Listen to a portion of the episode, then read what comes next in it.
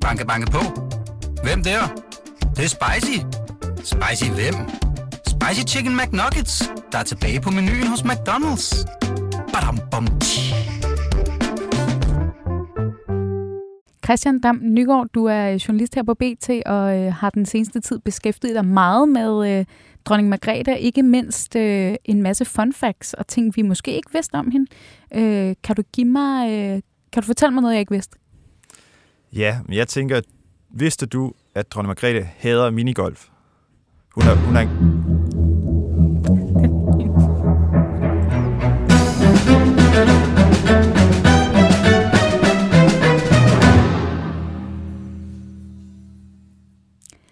Der kommer til at øh, cutte dig lidt hurtigt af, Christian. Det beklager men øh, vi kører jo hård intro her, på, her i programmet. Øhm, nej, jeg vidste faktisk ikke, at dronning Margrethe hader minigolf. Nej. Øhm, hvorfor gør hun det? Jamen, jeg ved ikke hvorfor, men det er bare i øh, en bog, der hedder Tre Søstre, der har hun udtalt, at hun kunne ikke øh, forestille sig noget værre. Okay.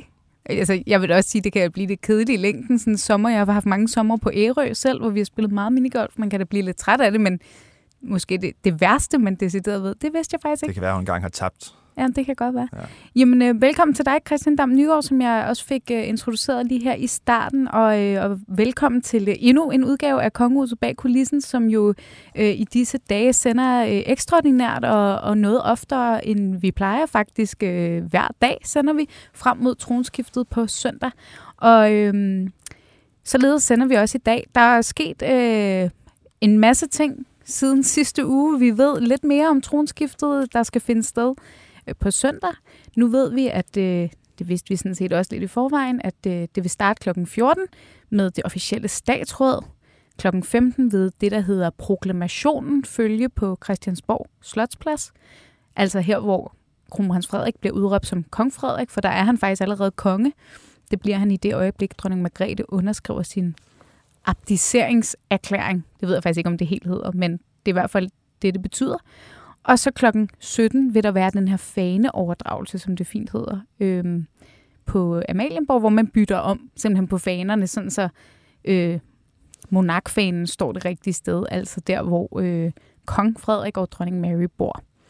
Øh, men inden vi når til alt det, så synes jeg jo, det var meget sjovt at øh, dykke lidt ned i dronning Margrethe, fordi der bliver snakket også meget om nu øh, kong Frederik, dronning Mary, men vi skal ikke glemme vores dronning. Og, øhm, og Christian, øh, du har lavet den her liste. Øh, vi kan jo godt være gennemsigtige over for lytterne. Øh, det er egentlig en liste, øh, du lavede i forbindelse med dronningens øh, 80-års fødselsdag i sin tid. Øh, med alle mulige sjove fun facts og ting, vi måske ikke vidste om dronning Margrethe. Måske vidste vi nogle af dem. Øh, og øh, det er en artikel, vi udgav på BTDK her i løbet af weekenden, og jeg må sige, der er virkelig mange af de her ting, jeg i hvert fald ikke vidste. Øh, og det er jo, sådan er jo med til at give et lille indblik i, hvem er vores dronning, fordi de fleste af os ved jo, øh, ved jo godt, at hun øh, godt kan lide klassisk musik, og hun godt kan lide øh, at lave øh, balletter med Oland, og øh, hun øh, har illustreret Ringenes Herre, og vi ved en masse om hendes kunstneriske virke, men der er måske mange af de her andre ting, vi ikke vidste. Mm. Så... Øh, lad os tage et par stykker mere. Altså, øh, nogle af dine favoritter måske? Ja, den første, den er måske med nutidsøjen lidt kontroversiel at sige, men altså Margrethe, hun, dronning Margrethe har jo åbenbart, det er så også helt tilbage i 89, der hun blevet interviewet af The Sunday Times, en engelsk avis, hvor hun af en eller anden grund, jeg ved ikke hvorfor, blevet, men der har hun fortalt, at hun var 12 år første gang, hun så en sort person, som hun sagde. Ja. Så ved man det. Ja, og det er også, altså, hvornår, altså, det er nok sådan noget, man ikke vil spørge om i dag. Nej. Altså, kan man sige, ikke? Nej, hvornår så, ja. Ja. Men det er selvfølgelig også, fordi hun er, hvornår hun er født. Altså, det er jo, ja, det er jo også en anden tid, hun kommer fra, ikke? Så Jo, det er jo. måske også specielt dengang. Ja. Så det er jo klart, det har været et tema i 89. da Ja, hun, det var et tema i 89. Det vil nok ikke være et tema i dag. Øhm, hvad Nej. har vi ellers på listen? Jamen så, nu sidder jeg bare og kigger på listen her, ikke? Så øh, for eksempel, hun var jo, øh, tilbage i 1960 var hun en tur i øh, Hollywood, hvor hun øh, mødte selveste Elvis Presley. Og der er nok mange, der vil være benovet over at møde ham. Men der ifølge information, som åbenbart var med på rejsen derover, der har de beskrevet, at øh, hun var overhovedet ikke imponeret.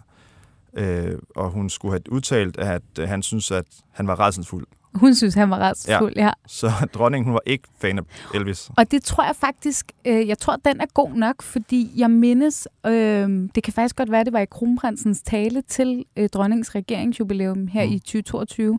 den her, hvor han holdt den her ret berømte tale med, øh, jeg står bag dig, og jeg er klar, som vi har talt om meget her også i programmet, der mener jeg faktisk, at han, at han nævner noget med Elvis i den tale, eller også er det blevet nævnt i en anden tale, det her med, at, sådan, øh, at, øh, at hun ikke var så begejstret, i hvert fald da hun mødte øh, The King of Pop, Ja. øh, mener at det blev sagt. Ja, altså, der, der er jo mange ting. Altså, man kan sige, hendes første kæledyr, hvis man er interesseret i dyr, det var to kanariefugle. Ja, De hed herre og fru. nå, meget opfindsomt. Ja. Øhm, så er hendes øh, yndlingsfarve blå, fordi at toiletbrættet på hendes øh, første toilet, det var blåt. ja, okay. Man skal jo få en yndlingsfarve af et eller andet, kan man sige. Ja. Øhm, så der er lidt et par julerelateret her. Der har lige været jul. Altså, hun går ikke rundt om juletræet. Hvad gør hun så? Jeg tror bare, hun sidder ved siden af og kigger på. Nå, gør de andre så rundt om Ja, det ved jeg faktisk ikke. Ej, okay. det, det, det står ikke her på listen. Øh, hun øh, snyder heller ikke med mandlene.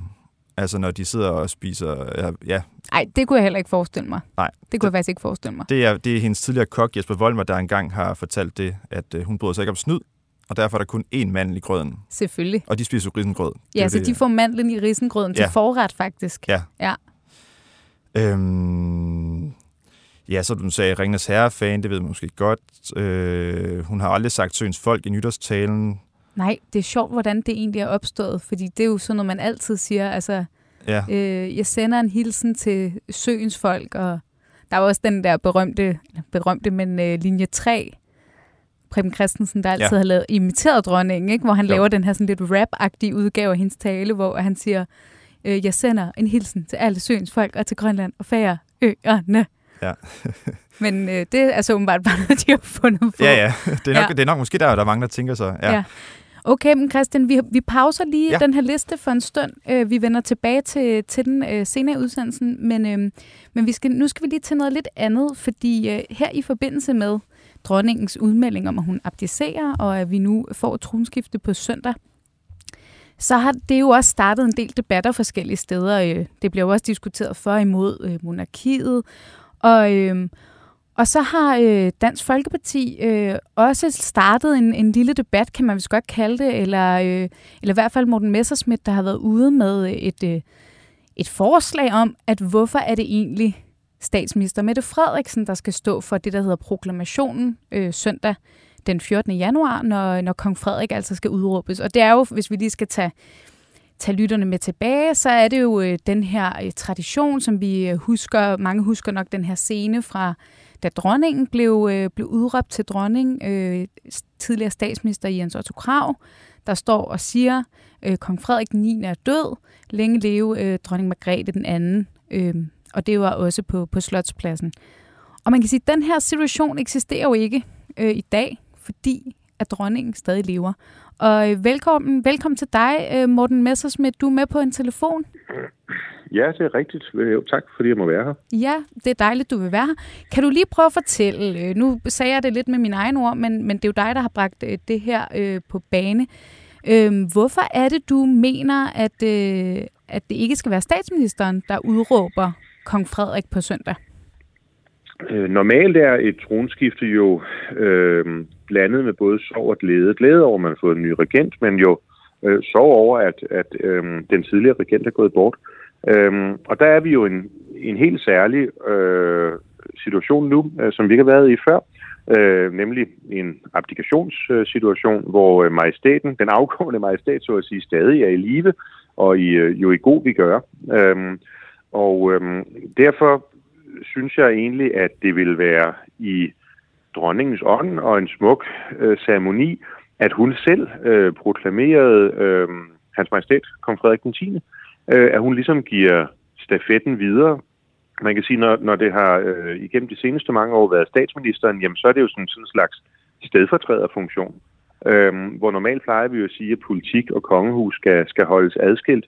Og det var, synes jeg egentlig, at, at der vil være noget smukt over, at man så øh, tager skridtet fuldt ud, nu hvor der er mulighed for det, og så siger, jamen så træder statsministeren selvfølgelig lige en skridt, et skridt tilbage, øhm, og lader så dronningen, øh, for at bruge et monarkisk udtryk, sætte kronen på værket i hele den her proces, som hun har øh, sat i gang med sin, øh, med sin beslutning, øhm, og så selv udråber den kommende konge. Det synes jeg personligt, det synes jeg, der vil være noget smukt over. Okay, jamen, jeg tænker lidt, at nu siger du selv det her med, at, man, at vi ikke skal sådan blande kongehus og politik, og det har vi jo også en lang tradition for, at vi, at vi helst øh, skal undgå. Øhm, jeg har bemærket, at du bliver ligesom ikke bakket op af hverken Nye Borgerlige eller Liberal Alliance i det her forslag. De, de siger, at det er en fejl, at man politiserer det her spørgsmål. Er du ikke også selv lidt med til at gøre det ved at tage det op, sådan en, øh, mens vi nu venter på tronskiftet? Nej, altså det er svært at se, hvordan det er at politisere at foreslå, at man trækker en politiker ud af en proces. Øhm, og det er jo ikke fordi, som jeg også sagde i oplægget, at der ikke er, er debatter om kongehuset. Altså der er endda sværmere, som mener, at man slet ikke skal have noget kongehus. Ikke? Og øh, der er også nogen, der har været ude at sige, at nu skal vi have den gamle øh, salvelses- og kroningsceremoni tilbage osv. Øhm, og vi er jo i en, i en unik situation. Jeg tror, vi skal helt tilbage til Erik Lam, øh, for at finde en, øh, en dansk øh, monark, der, er, øh, der har abdiceret.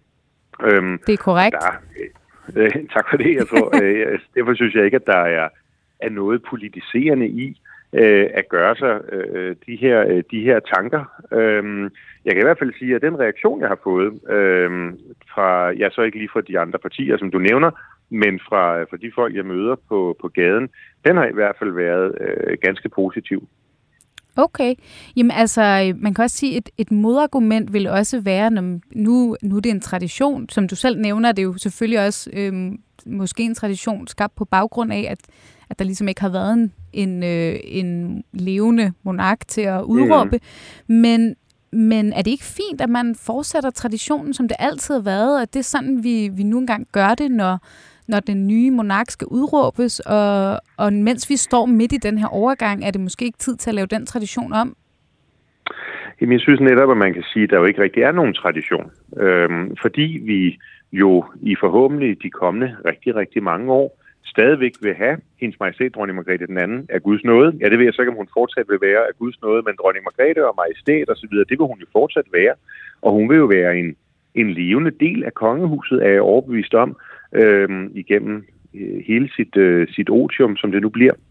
Øh, og øh, derfor synes jeg, det er øh, egentlig mere i pagt med øh, dronningens ånd, og jo også, kan man tillade sig at sige, den fornyelse, eller i hvert fald den nye situation, som, øh, som kongehuset jo er bragt i, ved at det er hende, der selv har truffet beslutningen. Det føler jeg mig ret overbevist om, at det er. Det er en beslutning, dronningen har truffet, og så synes jeg, som jeg sagde før, at der vil egentlig være noget, noget smukt øh, fuldendende i det, at det så er altså hende, der udråber den næste øh, monark. Det er jo hende, der har truffet beslutningen. Det er der ingen andre, der kan. Øh, hun er ikke underlagt nogen øh, folkevalgt øh, institution, eller, eller tager nødvendigt, ikke mod bindende råd fra nogen, eller, eller hvad det måtte være. Det er hende, der har besluttet, at nu skal vi have kong Frederik den 10. Og så synes jeg bare, at når man er i den helt unikke og positive, glædelige situation, hvor et regentskifte jo normalt er, at man tager afsked med en, jamen så synes jeg, at der vil være noget smukt over, at det var hende, der også fik lov til at lave udråbelsen. Mm. Øhm, her på BT har vi også uh, talt med uh, kongehusekspert og historiker Lars Hårbakke Sørensen. Han kunne desværre ikke være med uh, i podcasten her nu, uh, så jeg har aftalt med ham, at jeg lige uh, refererer, hvad han egentlig har sagt til os i en artikel, mm. fordi han, øh, han svarer også lidt på det her, altså sådan set med øh, historikerbrillerne på. Og der siger han øh, til os, øh, vi må antage, at det er statsministeriet, dronning og kongehuset, der i forening er blevet enige om, at man vil fortsætte traditionen med, at det er statsministeren, der udråber den nye regent. Der er ikke nogen af dem, der bestemmer det selv. Det er noget, man forhandler med hinanden og bliver enige om. Det kunne slet ikke sættes i værk, hvis de var uenige. Så altså, hvis vi skal tro øh, Lars Hårbakke Sørensens analyse her, så må vi antage, at det er noget, der har været, altså at, at, at dronning Margrethe faktisk er med på den her ordning, øh, at det er ligesom aftalt, øh, og, og de synes alle sammen, at det er fint. Øh, så, så er det ikke øh, i orden, at det bliver, at det bliver aftalt mellem de parter, der indgår i det, og at det ikke skal være, øh, hvad kan man sige, en debat, der starter fra en politiker som dig selv? Øh, nu tror jeg ikke nødvendigvis, det er mig, der starter den, fordi øh, jeg har i hvert fald hørt det her ønske øh, i, i bredt i, øh, i, igennem ja, tiden siden nytårsaften fra, øh, fra mange folk i, øh, i hele landet. Men det er rigtigt, jeg er nok den første politiker, der tillader mig at tage, tage bladet fra, fra munden. Jeg tror, jeg giver male til, til rigtig mange derude, som synes, det vil være en smuk måde øh, at tage afsked med øh, dronning Margrethe, som så statsoverhoved, at hun gav øh, stafetten videre. Og Altså, det er jo formelt set rigtigt, hvad Hovbakke siger, at øh, alt er koordineret øh, og aftalt, øh, givetvis ned i mindste detalje, hvis vi kender dronningen rigtigt, øh, mellem statsministeriet og, og kongehuset. Øh, men man kunne jo også godt forestille sig, at det så har været et kardinalpunkt fra statsministeriet at sige, at det skal der bare ikke øh, ændres på. Øhm, og jeg synes, som jeg sagde før, at vi er i en lidt anden situation, end vi har prøvet før. Øhm, og derfor kunne man måske godt lade, øh, lade noget gå for ret, i stedet for bare at holde fast i, at sådan her har man gjort siden, øh, hvad ved jeg, øh, Frederik 6. eller et eller andet. Mm. Nu skal du lige for en god ordens skyld sige, at øh, vi har jo ikke statsministeriet øh, eller statsministeren med i programmet, desværre. Øh, så så øh, vi ved jo ikke, om det har været et kardinalpunkt for dem, skal jeg bare lige sige. Men, øh, men jeg kunne så også lige referere, øh, du tog også lige den her øh, øh, korte snak i P1 Morgen i morges, som jeg hørte, hvor at øh, den gode Benny Engelbrecht fra Socialdemokratiet, øh, han påpegede sig i den her forbindelse, om hvis vi skal have den her snak, er det så ikke øh, et lidt mærkeligt tidspunkt at have den på? Hvorfor ikke øh, altså have den øh, på et tidspunkt, hvor vi ikke står midt i det? Øh, hvordan kan det være, at du ikke har taget det her spørgsmål op tidligere? Altså man kunne jo godt, man kunne godt tage det op og sige, øh, hvorfor er det egentlig en statsminister, der skal proklamere, når vi, når vi skifter monark? Men det har jo været meget naturligt i, øh, i de situationer, hvor den siddende regent har været død. Øhm, der er det i hvert fald vanskeligt for vedkommende selv at give stafetten videre. Øh, man kunne jo godt overveje, om det egentlig ville være mere betimeligt, at det var Folketingets formand, fordi i statsrækkefølgen, jamen der er Folketingets formand jo over statsministeren. Mm. Men der kan man sige, når vi nu er inde på den politiske løbebane, så må man nok sige, at der er etableret en praksis for, at det er så statsministeren. Det går ganske lang tid tilbage, men når den her diskussion har været lidt svær at tage før nytårsaften, øh, så er det jo fordi, der ikke er nogen af os, tror jeg, der i deres vildeste fantasi havde forudset, at majestæten ville træffe den her Ja, det har du ret i. Det har du øhm, meget ret så, i, må jeg give dig Hvis jeg skal sidde og, øh, altså, så skal jeg sidde og kigge på oddset hele tiden og sige, hvad er det, det højeste odds på et eller andet givet forhold, og så, og så udtænke, hvad jeg synes, hvis det blev virkelighed. Altså, jeg tror, vi alle sammen blev meget overraskede, øh, da, da vi fik øh, beskeden. Øh, og derfor er det her egentlig noget, jeg har gået og tænkt over øh, efterfølgende. Jeg må indrømme, jeg har aldrig skænket den tanke op til. Er det noget, øh, nu, nu tror jeg godt, at jeg kan sige, uden at, uden at øh, skyde dit forslag alt for meget ned, men der er nok ikke en så stor sandsynlighed for, at de her ting når at blive ændret til på søndag, øh, hvor tronskiftet øh, finder sted. Øh, men er det noget, du kommer til at gøre mere politisk ved på den anden side af tronskiftet? Nu håber vi jo på, at kong Frederik den 10. kan sidde i rigtig, rigtig mange år. Øhm, og øh, uanset hvordan vi engang skal, skal lave skiftet til Christian den 11., om det også bliver en abdikation, eller om det bliver den, den vante vej, det ved vi jo ikke. Øhm, jeg synes, det er nu, øh, at man kan have drøftelsen. Øhm, og som du var bekræftet før, så skal vi altså være det 800 år tilbage i tiden og sådan noget, for at finde en anden applikation. Så det er jo ikke noget, der sker hver anden dag. Øhm, og netop derfor øh, synes jeg egentlig, at, at ja, at det vil være det, vil være det rigtigste. Men, øh, men jeg har kun et næb at, øh, at synge med, og det gør jeg så, når jeg, når jeg bliver spurgt. Øhm, og så er det klart, så er den endelige afgørelse jo op til i første omgang Hendes Majestæt Dronningen, men jo øh, selvfølgelig i konsultation med, med statsministeriet. Ja, og man kan jo sige, at der er jo ingen af os, der ved præcis, hvad der kommer til at ske på den balkon på søndag. Så det må vi jo øh, det må vi jo vente i spænding og se, hvordan det helt præcis løber af stablen. Vi ved ikke, hvad der præcis vil ja, blive præcis. sagt, og vi ved Nej, ikke, hvordan det, det faktisk spændende. vil foregå. Så vi er jo stadig lidt i sådan spekulationens land øh, frem mod på søndag, fordi det er en, en ny jord, vi betræder øh, med den her applikation. Præcis. Ja, jamen forløb i hvert fald, Morten Messersmith. Tak fordi du vil være med og øh, fortælle ja. om, øh, om dit syn på, på det her tronskifte, og hvem der, hvem der måske øh, burde lave proklamationen, i hvert fald ifølge dig. Tak for det. Jamen, øh, tak fordi jeg måtte, og god dag. I lige måde.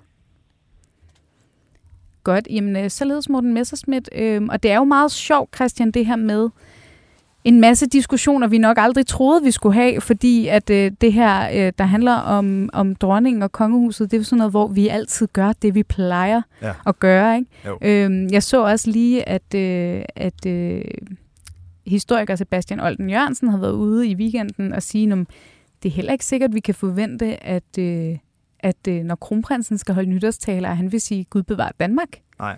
Og, og det var også sådan, det har vi jo bare, det har jo, sådan har det jo altid været. Jamen, Der er jo altid alt blevet- vende, ja. Der er altid blevet sagt, Ja. Gud bevar Danmark. Kan man bare lave det om? Men det, Mm. det kan man selvfølgelig. Mm.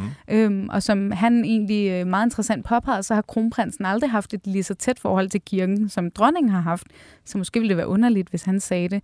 Øhm, men det er jo også en af de der ting, vi må, vi må se, hvad der, hvad der sker. Og hvordan det bliver på balkongen på søndag, det, det ved vi ikke endnu. Men vi ved i hvert fald, at, øh, at planen, planmæssigt, så er det statsministeren, der laver den her proklamation. Øh, hvad der bliver sagt, det ved vi ikke, og hvem der skal stå på balkongen, det ved vi heller ikke. Øh, om dronningen for eksempel eventuelt kommer til at stå der. Øhm, og for at vende tilbage til dronningen, øh, Christian, så kunne jeg jo godt tænke mig, at vi, øh, vi slutter øh, programmet af med lige at få et par flere facts. Ja. Og jeg kunne godt tænke mig, for jeg ved, jeg har så snydt lidt på forhånd, Ja. men jeg ved jo, der for eksempel står noget om øh, dronningens første date. Ja. Ja, det er jo sjovt, du lige nævnte den, havde jeg nemlig lige tænkt på, hvor det irriterede mig, at jeg ikke lige havde skrevet ned, hvor gammel hun var, da hun var på sin første date. Ja. Men øh, i hvert fald ifølge den bog, der blev skrevet om prins Henrik, der hed Enegænger, Mm-hmm. Som Stephanie Suryk har skrevet. Ja. Øh, journalist Stephanie Suryk, ja. der kommer det frem, at øh, da hun mødte prins Henrik i sin tid, det var faktisk hendes allerførste date nogensinde. Så øh, vi, vi ved jo ikke, vi kender ikke til hendes øh, privatliv i dag på samme Nej. måde. så, det, så meget tyder på, at øh, hun kun har været på øh, date med én person i hele sit liv, og det er jo prins Henrik. Han var altså the one and only, må Ja, man og hun, bare hun sige. fortæller i bogen der, at han inviterede mig på frokost, og jeg havde aldrig før spist frokost med nogen på den måde. Jeg var ude alene med en mand, siger hun. Ej, Det var lidt specielt. det er ja. faktisk sødt. Og den historie, altså, den er jo i det hele taget virkelig, virkelig fin mellem hende og, og prins Henrik. Øhm, hvad har vi ellers på listen? Jamen, så er der en sjov en, jeg synes. Øh, I 1980, der var hun åbenbart tæt på at starte en ny svenske krig. Nå. Altså, Danmark og Sverige har haft et, øh, et hit forhold gennem øh, verdenshistorien. Øh, og i 1980, det er ifølge BT's tidligere hofrapporter Bodil Katz, som øh, hun, Legende. hun skrev øh, for nogle år siden, måske mange år siden, øh, en selvbiografi om sit liv med, med kongehuset. Og der fortæller hun, at øh, i 1980, der var dronningen, der havde hun, hun skulle til Bornholm, og så fløj hun åbenbart med et øh, dansk militærfly, og så fløj det hen over Sverige. Og svenskerne, de, de vidste først ikke, hvad det er for et øh, jægerfly, der pludselig flyver hen over Sverige. Så de var ved at tvinge det her fly ned, og troede, at nu bliver vi angrebet af nogen, og så fandt de så ud af med tiden, at det ikke var nogen spion, det var bare dronning Margrethe, som der lige skulle til Bornholm. Ikke? Men det var åbenbart en sag i 1980, at det var lige ved at gå galt der i nogle få sekunder, kan man sige. Ikke? Jamen, så er der øh, øh, dronningens forhold til heste. Hun var åbenbart meget bange for heste. Jeg ved ikke, jeg kender ikke hendes forhold til heste i dag, men øh, hun, fort, hun, hun har fortalt i en, i en bog, øh, der hedder Dronning i Danmark, at da hun, øh, at hun red til, hun var cirka 14-15 år, øh, og så lidt uden forklaring, men så holdt hun bare pludselig op. Hun siger, jeg blev bange, øh, for det ikke skal være løgn, aldeles uden fornuftig grund, tilføjer hun. Ja, så, Nå. så hun, blev bare, hun udviklede åbenbart bare lige pludselig en fobi for heste. Ja, for så kunne man tro, det måske handlede om, at hun var faldet af en hest, Ja. eller noget i den Ja. stil, ikke?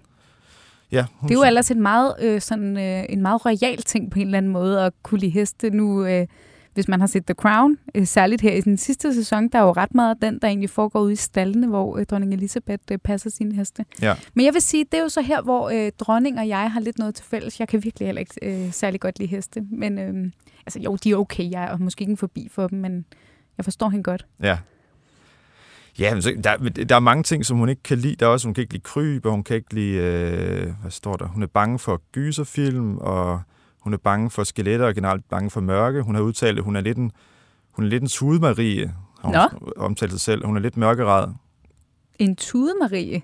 Ja, det, det, det er sådan, hun har udtalt sig selv. Hun har, hun har, hun har udtalt, også i bogen Dronning i Danmark, hun har udtalt, jeg var som barn en sart plante, Ja. øhm, og heraf kaldte sig selv en tudemarie og, og meget mørkeret. Det er meget sjovt, fordi altså, sådan, som man opfatter dronningen i dag, vil jeg i hvert fald bestemt ikke opfatte hende som sart eller en, en tudemarie. Man kan sige, det udtryk bruger vi måske heller ikke så meget i dag.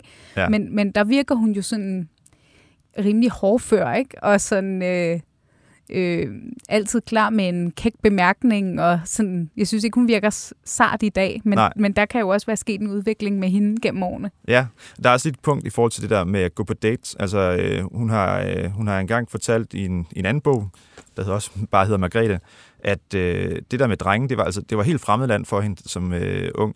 øh, at efter, øh, der står her, efter øh, hun blev konfirmeret, der blev hun sendt på kostskole i England, hvor der kun gik piger. Øhm, og, men altså, hun skulle jo gerne møde en mand på et tidspunkt. Så dengang hun så kom tilbage til Danmark, så hendes øh, mor, dronning Ingrid, hun arrangerede nogle dansehold, for hun kunne møde drenge simpelthen. Okay. Og, og der i bogen siger hun så, at det der med at flytte, det var ikke rigtig gået op for mig. Øhm, så hun, jeg ved ikke, om de andre var lige så dydige, altså de andre piger på holdet, dansholdet, men jeg opdagede ikke en brik, siger hun. Altså hun var helt... Øh... Så det var ligesom sådan nogle dansehold, hvor der både var piger og drenge, Ja. og så skulle drengene byde pigerne op, og så skulle, kunne man på den måde danse med nogle drenge. Ja, det var Og hendes... så kunne man lige se, om der var noget, men hun, men hun kunne slet ikke Nej, afkode, om der blev flyttet med hende. ja. Så det kan faktisk være, at der har været, øh, hvad ved jeg, 20 potentielle bejlere til dronning Margrethe dengang, men hun har bare slet ikke opfattet det faktisk. Nej, ja, det er det. Men der må man også bare sige, altså nu, øh, Christian, vi er jo begge to sådan, øh, hvad kan man sige, øh, sådan en øh, generation, der har, øh, der, hvor der er Tinder, og der er alle mulige dating-apps, og der er alle muligt og sådan noget. Mm. Mm. Men prøv at tænke på at være, altså, være ung dronning, og skulle ud på det der marked dengang. Altså det må, nu vi ved det er jo også fra kronprins Frederik, altså man kan sige, hvor meget medierne har Ja, ja. Øh, skrevet om hans øh, dates og kærester gennem tiden. Ikke? Jo. Det må virkelig, virkelig være op ad bakke. Ja, ja, men jeg kommer også lige i tanke om netop, at i gymnasiet, der var hun, altså de første stykke tid var hun alene. Altså hun gik ikke, hun, hun gik bare, hun havde sådan en solo-undervisning. Ja. Så hun fik først en klassekammerat øh, i 2G eller sådan noget. Ja. Så det er, det er, hun har ikke mødt så mange mennesker. Nej, hun har været det- lidt isoleret der. Det er jo et, et virkelig, øh, virkelig enestående liv, man har som, øh, som, øh, som dronning på mange punkter. Og der kan man, må man jo sige, det, det er jo også noget, vi diskuterer meget i dag, det her med, øh, hvad repræsenterer kronprinsen versus hvad dronningen har repræsenteret. Mm. Og der har der jo trods alt været øh, noget friere rammer for, for både kronprinsen og Joachim, ikke? Altså, at de har ligesom gået i skole med andre mennesker, Ja. for det første, ikke? Altså, Ja. de har omgået andre mennesker, øh, selvom at de også har haft øh, altså, ophold, kostskoleophold og sådan noget, men de har været omgivet af andre mennesker, fra de var yngre, Mm. øh, i, i, modsætning, i modsætning til dronningen. Ja. ja. Okay, jamen, vi skal så småt til at slutte af. Christian, vil du, øh, vil du sende os øh, afsted med en øh, sidste fun fact? Ja, jamen en sidste, det kunne være, øh, den er jo ret aktuel, The Crown Netflix-serien, som mange ser om det britiske kongehus, den gider dronningen ikke følge med i. Okay, hvorfor ikke? Jamen, Ved altså, vi det? Ja, hun er, altså det, det, det er ret nyt fakt. Det sagde hun sidste år i et interview med Weekendavisen, at øh, hun, altså, hendes begrundelse er, at hun kender dem så godt, så hun vil blive irriteret over at skulle sidde og se en, en fiktiv udgave, hvor hun siger, at ja, det, det, er jo ikke sådan, de siger, det er jo ikke sådan, de taler i virkeligheden, Ja. hun. så det, det vil hun synes var irriterende. Ja. Det er måske det interview, hun gav til Martin Krasnik Ja. øh, sidste år i Weekendavisen. Jeg er meget fremragende interview. Og man kan måske godt forstå hende, fordi hun, hun kan måske øh, hun kan virkelig sidde og fact-checke det hele. Ikke? Jo, jo. Øhm, men øh, vi ja, ved, sådan, vi sådan ved var det overhovedet ikke. ja, præcis. Men øh, ej, vi, er jo, vi er jo mange, der godt gad have en dansk The Crown på et tidspunkt. ja. Det kan jo være. Godt, jamen øh, Christian Dam Nygaard, tak fordi du kom og gjorde os lidt klogere på fun facts om dronningen. Øh, til jer derude, der skulle have lyst til at læse den fulde liste, som jeg godt kan bekræfte er meget underholdende, så lægger jeg lige et link til den i, øh, i øh, programmets øh, tekst, så der kan I bare klikke ind og finde den, hvis I gerne vil læse den fulde liste. Øh, der kan I også tilmelde jer nyhedsbrevet Kongehuset bag kulissen, øh, hvor jeg hver uge øh, øh, skriver nogle bevingede ord, og I får podcasten direkte i indbakken, samt en masse historier, I måske har misset på sitet i løbet af ugen. Øhm, jamen, øh, som lovet, så sender vi jo igen i morgen, så øh, vi lyttes ved, og jeg vil også bare lige på faldrebet sige tak til alle jer, der er rigtig flinke til at sende både ris og ros, men også forslag til, hvad vi kan tage op her i programmet. Det er meget velkommen, og det skal I endelig blive ved med. Øhm, tak til dig, Christian Dam Nygaard, og øh, også øh, tak til Søren øh, Bang Hansen, der har produceret øh, dette program. Vi lyttes ved igen i morgen.